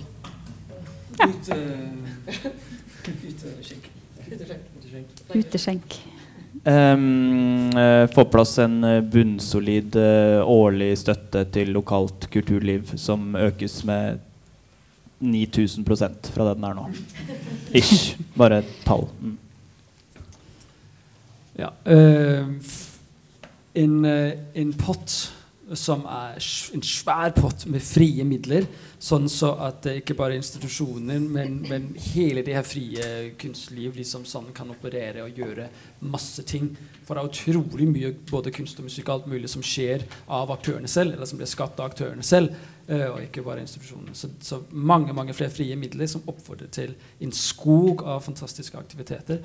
Og så et superkult uh, kulturtidsskrift som skriver om alt som skjer, og som eh, både er kritiske, men som dekker alt fra foredrag til eh, danseforestillinger til eh, Ja. Så vi får vite hva som skjer. Etterpå, unnskyld, etterpå, fordi vi er veldig flinke til å legge ut Facebook-arrangement hele tiden om det her skjer. Men hvis ikke vi var der, så ja.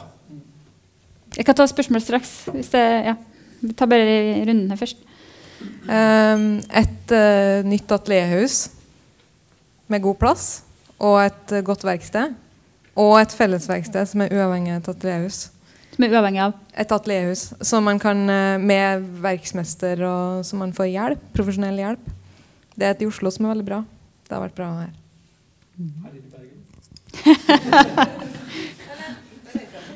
Nå skal jeg la være å si det, det har stått i adressa at jeg ønsker meg likevel. Men jeg, litt sånn, jeg, har litt, jeg har lyst til å følge opp det. Da. Man trenger en infrastruktur. Man trenger en eh, satsing på en byutvikling der man eh, lar flere kunstgrupper møtes. Og så kan jo jeg si at jeg ønsker meg et, å ha plass til mye kunst inni der. Men eh, den kan drives på mange måter. Men en, en felles infrastruktur, det tror jeg hadde vært Da har jeg en idé. Etter håndball-VM så har man et kjempefint hus som kan seksjoneres og, legge, og lage mye, nye, mange etasjer og lage et alleaktivitetshus for eh, ungdom og unge voksne. Eh, basert på et forsøksprosjekt som jeg, eh, jeg alvorlig mener noen må begynne med en eller annen gang. Og Trondheim kommune kan godt gjøre det. Trondheim kommune er jo litt annerledes enn de andre storbyene. Um, og da tenker jeg at eh, skoleverket må gjøres noe med. Det er helt, helt utenfor min fatteevne hvorfor teoretiske fag skal være viktigere enn fysiske fag, praktiske fag og estetiske fag. Og eh, Hvis vi klarer å få en eh, 25 eh, hver av de inn i skoleverket, prøve det som et eh, søk eh, departement og de som må, må søkes om det, direktorat og sånt, men prøv å få gjøre noe, se hva, hvordan det vil virke på eh, de menneskene som går ut fra en sånn skole. Jeg tror det kommer til å make the, the future shine. Ok. Eh, takk sånn eh, per nå, for vi tar noen spørsmål, så da kan dere få eh, snakka litt mer. Eh, vil gjerne ta, ta spørsmålene i mikrofonen, sant? for vi får det med på Ja. Eh, det var noen hender der. Ola Ja, ok. ja. Det, vi begynner bakerst, og så får du. Hei. Var den på? Ja, den er på, skal være på. Bare snakk inn. Var den? Er den på? Ja. ok. Jo, nei, men den var på. Ja. Um, ja, jeg heter Anne Thommessen, jobber, jobber som kurator på Trondheim kunstmuseum. Uh, og jeg var, i hvert fall Særlig i forhold til den siste runden av hva man kan, kan man gjøre, så har jeg en ting som jeg har tenkt på flere ganger. Og noe av, et problem er jo å få presse fra, altså nasjonal presse til å komme og dekke ting som skjer i Trondheim. Og det er jo ofte fordi de forskjellige redaksjonene har jo ikke da budsjetter, altså reisebudsjetter, i hvert fall ikke til kulturjournalistene. Så da, som en liten oppfordring kanskje til Trondheim kommune, Trøndelag fylke, opprette et, et slags fond, et reisefond for kulturjournalister, som det er lett å søke raskt midler til, som da gjør at NRK-journalister, eh, VG, Dagbladet lett kan få midler til å komme hit. For det er også et problem hvis da eventuelt museet skal dekke reisen til til disse kulturjournalistene, og særlig hvis det er anmeldere, så er det ikke helt kommet il oss. Og det er noe som de ofte kanskje sier nei til, fordi det liksom kan virke som om de lar seg påvirke eh, av institusjonene. Så det, eh, jeg tenker at, og det er jo ikke bare for å nå nasjonal liksom, publikum. Det er også for å nå det trønderske publikum, som jo også da ser på NRK og leser VG og Dagbladet. Og som jeg bare ja, så, eh, I motsetning til min aller øverste sjef så før jeg flyttet til Trondheim, og jeg har jo da ikke trøndersk dialekt, jeg er veldig veldig Oslo-jente, sånn utgangspunktet, så jeg bodde her siden 2015. Og før det, uten å ha noen tanke om å flytte dit, var absolutt ingen tanke om å flytte til Trondheim, så kom jeg til Trondheim fire ganger for å se utstillinger. Bare sånn, ja. Så det er, altså jeg tenker at det er innimellom ting som virkelig er å være, altså grunn til å være stolt av. Ok, Nå er jeg virkelig kunstnerd, da. Så det, men, eh, ok, takk. Ola Birise. Ja. Takk for det. Jeg tenkte ikke jeg skulle legge meg inn i diskusjonen. Jeg vil bare si tusen takk for uh, veldig mange gode og spennende bidrag. Og jeg synes vi er veldig mottakelige for konstruktive tilbakemeldinger. Jobben vår er å prøve å bruke de pengene vi har mest mulig, og prøve å få flere til kunsten og kulturen. Men bare saksopplysning. altså Det eksemplaret som var henvist til frempå der, det er egentlig trinn to av en tretrinnsrakett. Og der trenger vi tilbakemeldinger fra dere. Det første trinnet det var 'Hvor står vi?' Og da laga vi et statusdokument på i overkant av 100 sider som beskriver liksom det som er av kulturaktiviteter. Så er det trinn to 'Hvor skal vi hen?' Og det er strategiplanen som kan sammenfattes med de tre hovedmålene med fem undermål. Og Dem trenger vi tilbakemeldinger på, og det er veldig viktig at dere kommer tilbake med høringer på dem. Og så er det det tredje. Hvordan skal vi komme dit vi har tenkt vi skal dra? Og da er det vi trenger å fargelegge og gi mye mer konkret retning på hva det vi kan få gjennomført. Men det der er altså hovedretninga. Sånn at hvis dere syns det ser litt sånn lite konkret ut, så skal det være trinn tre på trinn to.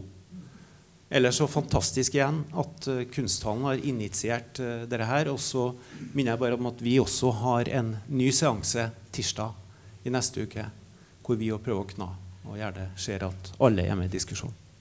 Du kan ja, bare gi mikrofonen videre. Ser jeg. Gir den til Notvar. ja, takk. Ehm, jeg må se meg litt rundt. Jeg er jo den privilegerte situasjonen at folk skal vedta en kulturplan til slutt. I og med at jeg sitter i bystyret. I tillegg så er jeg styrelederen til Per, eh, så jeg er litt inhabil der. Jeg tenkte bare jeg skulle bare noen få ting. Altså det som, eh, jeg tenker at man husker på at Hvis det øker fra 2 til 3% det høres jo litt stusslig ut. Den ene prosenten er 100 millioner. da. Uh, og det er mye penger. altså Vi som har prøvd å funne 100 millioner i kommunalt budsjett uh, i kamp med skole og Noen har kanskje lest om situasjonen i BOA og eldreomsorg, og sånne ting, så er det, det er konflikt, eller ikke konflikt, men altså det er konkurranse med de pengene. Så 100 millioner er mye penger. Uh, men Hæ? 11 år. Jeg håper at det kommer over to år, da. Men det er noe sånn. Nei, men, men forlengelsen av det Ola sier, er viktig at dere sender de innspillene. Og så må dere huske på at det, det finnes en, eh, en annen vei inn òg. Eh, og det er å ta det til den politiske behandlinga når kulturplanen faktisk skal vedta, ikke minst, eh, ikke minst handlingsplanene etter hvert. fordi at det har vært litt sånn diskusjon om helårsarrangører. Og det kom jo inn som et punkt fordi at det kom fra miljøet, særlig fra Trondheim Calling-miljøet, om at disse pengene trenger vi. Så har det ikke kommet noe mye penger foreløpig, men de har i hvert fall kommet, og det har kommet som et direkte initiativ fra miljøet som tok henvendelse til det politiske miljøet som tok opp hansken. Så det er viktig for dere å gi oss de signalene vi trenger. Og så er jeg helt enig og vil gjerne ha gode innspill på hvordan en skal få mer ut i skolen. Det skjer jo litt rundt omkring, men det er klart at det, eh, den nedbygginga vil jeg nesten si som har skjedd av den kulturelle skolesekken, er jo viktig at vi får kompensert på kommunalt nivå. Kjempeenig i det. Og så er det et par sånne ting som eh, jeg håper, Det har ikke vært nevnt i hele tatt. og det er styrings, altså Hvem styrer? Nå er det en voldsom press på å få mer over på fylkesnivå av kulturbehandling. og det, Jeg håper at dere er aktivt på den ballen og jobber mot det. For jeg, er jeg virkelig livredd. Ikke at fylkeskommunen er ukompetent, men hvis en er bekymra for dere med at det blir litt rolleblanding og sender signaler om hvordan ting skal gjøres altså Hvis en bare får ett myndighetsorgan, ett myndighetsnivå, så er jeg ganske redd for at dere styringssignalene om hva syns vi er OK, ikke blir mye tydeligere. For du har bare ei hånd. Det er klart at Hvis du har tre hender, som fôrer, så er det ikke så farlig om du biter den ene, for du har fortsatt to igjen.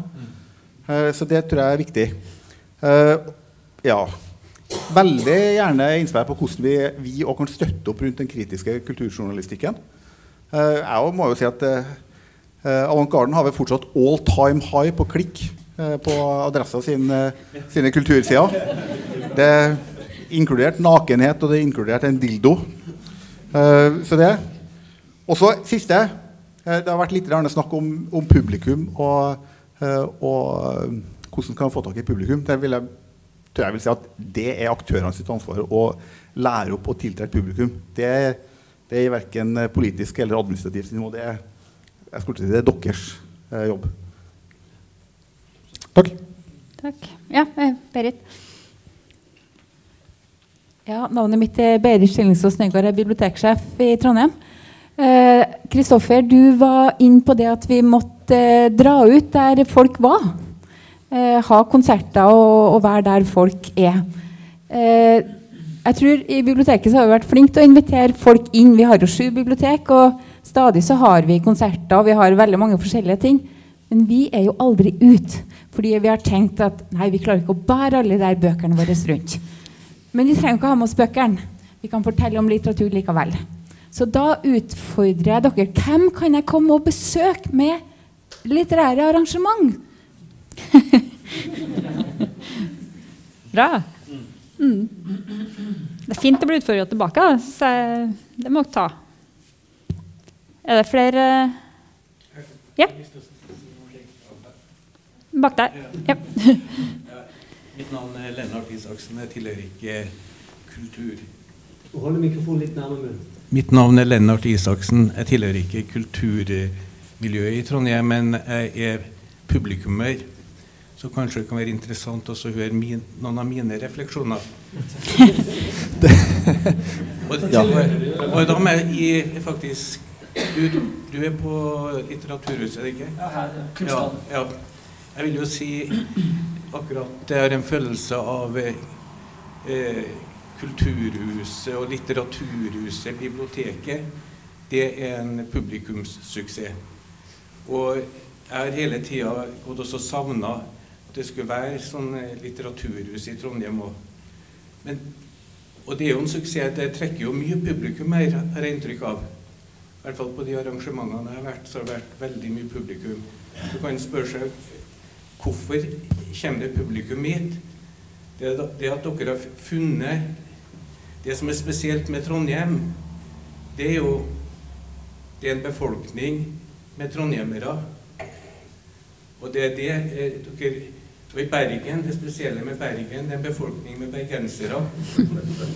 Så hvis du lager noe som går i Bergen, og tror du skal lykkes med det i Trondheim, så er ikke det nødvendigvis.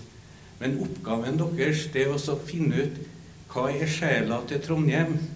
For jeg må si å gå på Litteraturhuset her i Trondheim Det er mye lettere for meg å gjøre det enn å gå på Litteraturhuset i Oslo.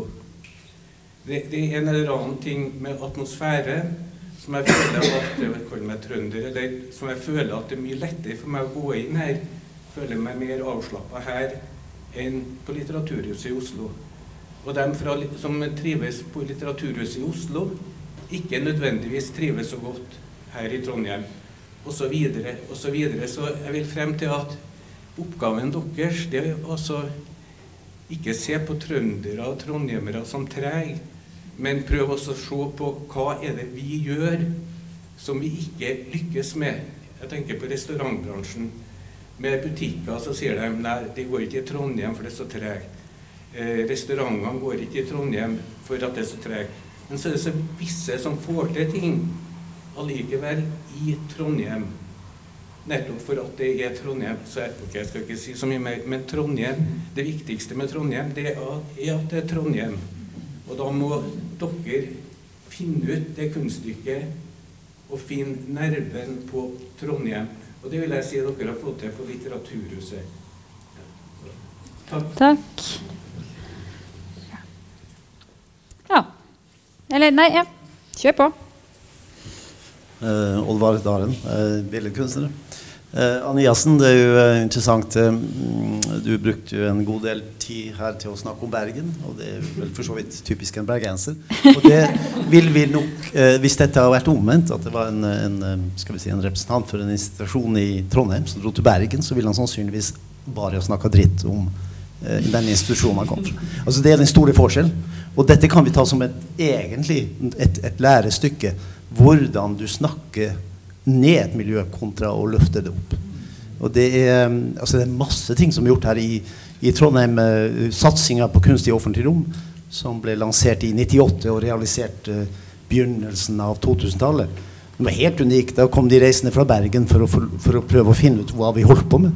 Det samme etablering av Lademoen kunstnerverksted. Så er problemet at ting ikke forvaltes godt nok videre. Og det er, jo, det er jo problemet vårt, at vi sparker i gang ting, og så skjønner vi ikke at de må videreutvikles. Så stagnerer de, og så blir de altså institusjoner som ikke lenger fyller rollen. Og det er fordi vi ikke har kritikk. Altså, det vi mangler i denne regionen, er jo faktisk diskusjon, samtale og kritikk. Vi tåler jo ikke kritikk i denne regionen. Mm. Vi kan ikke ta imot kritikk. Altså Alle tar det som en fornærmelse når noen er uenig. Og det er det store problemet her. Og det må vi lære oss til å, å, å krangle og være uenige på et eller annet vis uten å, uten å slutte å snakke med hverandre. Det, det tror jeg er hovedsaken, eh, som også dere som institusjoner. For dere som institusjoner har jo et jævlig stort ansvar her. Dere har eh, ganske mye offentlige midler som dere blir tilført. Eh, og til tider så kan man lure på hvor, hvor høy bevissthet det er i disse institusjonene om hva de faktisk, deres rolle er her i byen og her i regionen. Og den uh, syns jeg er, er, er, ganske viktig. At du ikke bare henter ting utenfra og inn, men du skal faktisk også uh, kanskje løfte ting herfra og ut. Og du skal kanskje også uh, skal vi si, eh, gjøre noe med, med byen. Være med å endre byen, men også lytte til byen. Skal ikke si noe mer. Vil Jeg vil bare respondere på, på noe det. Det var, altså, I forhold til det med å ikke tåle kritikk, så er jeg tilbake til det er denne problematikk i altså, sånn utsatthet som jeg tror altså, eksempel, som jeg sa, blir du nevnt uh, to ganger i adresse i løpet av et år, og den ene liksom er en sablende kritikk, så er det veldig veldig tøft. Men hvis du liksom er en del av en større samtale hele tiden, så, så, så vil det være noe annet. Um, og så tror jeg også det handler om det med at man man eh, prøver kanskje å være eh, Beklager, nå skal jeg formulere det riktig. Um, Men mangelen på institusjonskritikk, f.eks. Altså, hvordan skal en institusjon forbedre seg når det ikke ja, nei, det jeg vel Mm. Det jeg prøve å si det var at, at Noe av det som er utfordringen fra institusjonens side, det er at når vi ender i diskusjoner eller når vi ender i kritikk, så handler det veldig lite eller veldig sjelden om det vi faktisk driver med. eller vi synes, altså Det handler veldig lite om kunsten. eller Det blir snak det er nettopp det her med at vi eh, det blir snakket så lite om det vi faktisk holder på med. Men hvis vi uh, har en provoserende forestilling, eller et eller annet sånt, så går vi inn i det. Og det, det kan man si, ok, så må vi være der hvor diskusjonen er. Men det er faen meg sårt. Altså når, når man liksom har en følelse av her står vi med fantastisk kunst, og en kunstner som har tenkt utrolig fine tanker om et eller annet, og så skal vi diskutere den der dildoen sånn oppe i hjørnet på det ene bildet. Um, så det er, også det, det er virkelig også en utfordring. Så igjen det der med å ha en større bredde i forhold til eller med større synlighet vil også tror jeg, skape et mye bedre grunnlag for en uh, kritikk Uh, og bedre kritikk. Ja. Hvis ikke det er flere hender, eller er det? Jo. Sigrid. Jeg vil bare si meg enig i at jeg mener at det har veldig mye med infrastruktur å gjøre. At jeg tenker at uh, Det eneste jeg tenker på, jeg savner TMV-festivalen, tenker jeg. og det området der som er blitt liksom Solsiden. Um, ja, det var liksom bare det jeg tenkte. Jeg har også bare nettopp flytta hjem fra byen. Og ja, jeg tror infrastrukturen er en utfordring i forhold til at det skal bli en stor uh, kulturby. Men jeg håper at det kan la seg gjøre. Ja. Kjør på. Det er ikke dumt at dere vil eh, snakke. Herregud, kjør på.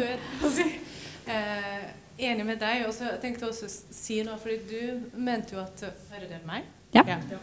Du mente at eh, å skaffe seg publikum, det må jo være aktørenes, eh, og ikke kommunen. Men eh, når man tenker som eh, Per Nilsen sa sist, i forhold til eh, skole, og hvordan man skal bygge opp hele samfunnet til å synes at eh, det er en del av meg. Kunst, da, da blir det ikke aktørenes. Aktørenes får jo bidra til dette, men det må jo være kommunen og eh, hele nasjonen da, som er, eh, har den oppgaven. Sammen med infrastruktur. infrastruktur. Så det er liksom eh, ja. ja, vi kjører. Elin? Eh, Hei, jeg heter Elin Kristensen og jobber på Midtnorsk Filmsenter. Og jeg kan ikke unngå å si at film ikke er representert her i det hele tatt. Mm. Uh, og det er jo veldig snedig, uh, fordi at uh, film vises jo på Kosmorama eller på kinoen eller på telefonen, telefon, eller det vises jo hele tida levende bilder overalt. Så jeg må bare nødt til å si litt om filmmiljøet i Trondheim før vi avslutter. Eh, fordi at eh, vi gir oss støtte til kort- og dokumentarfilm på Midtnorsk Filmsenter. Eh, det er seks millioner i året. Og når det gjelder publikum, så viser vi film på Kosmorama. Altså filmskaperne våre viser film på Kosmorama. I Tokyo, i Taiwan, i, på alle kontinent. Film som er produsert i Trøndelag, er vist på alle kontinent i hele verden. Eh, man kan på én time få 300 000 seere på NRK. Eh, eller i løpet av et år ha to til tre millioner seere fra en film som er produsert her. Eh, og det vil jeg bare si at på publikumssida så viser filmskaperne fra vår region at vi blir sett over hele verden. Eh, og når det kommer til Bergen Vi er dritsur på bergenserne. Eh, bergenserne eh, roper høyt. De får dobbelt så mye penger som vi får. Eh, samtidig som akkurat når jeg satt under her, så satt jeg og kikka på eh, Vestnorsk Filmsenter sin tildelingsliste de siste tre årene. Og på alle selskapene så tenkte jeg hm, ikke bedre, ikke bedre, ikke bedre. Um, så vårt filmmiljø er bedre enn Bergen sitt film, eller de på Vestlandet. Både når det gjelder publikum, eh, når det gjelder å ha selskap som er bærekraftig i de siste tre år. Så hurra for det. Det er bra. Det er veldig bra du tok det, Elin. Jeg jobber jo litt med film, men jeg kunne liksom ikke snike det inn. Men uh, vi, i film trenger også, ikke ikke atelier, men vi trenger kontorfellesskap. Og det har vi prøvd å si fram til kommunene. Så da fikk jeg sagt det på slutten. Ok, takk for i dag. Vi gleder oss til planen blir endelig, og at alle går hjem nå og skriver høringssvar. Var det vi ble enige om at heter? Ok? Avtale. Kan vi laste opp podden som som høringsinnspill? Går det bra? Vel hjem. Og takk.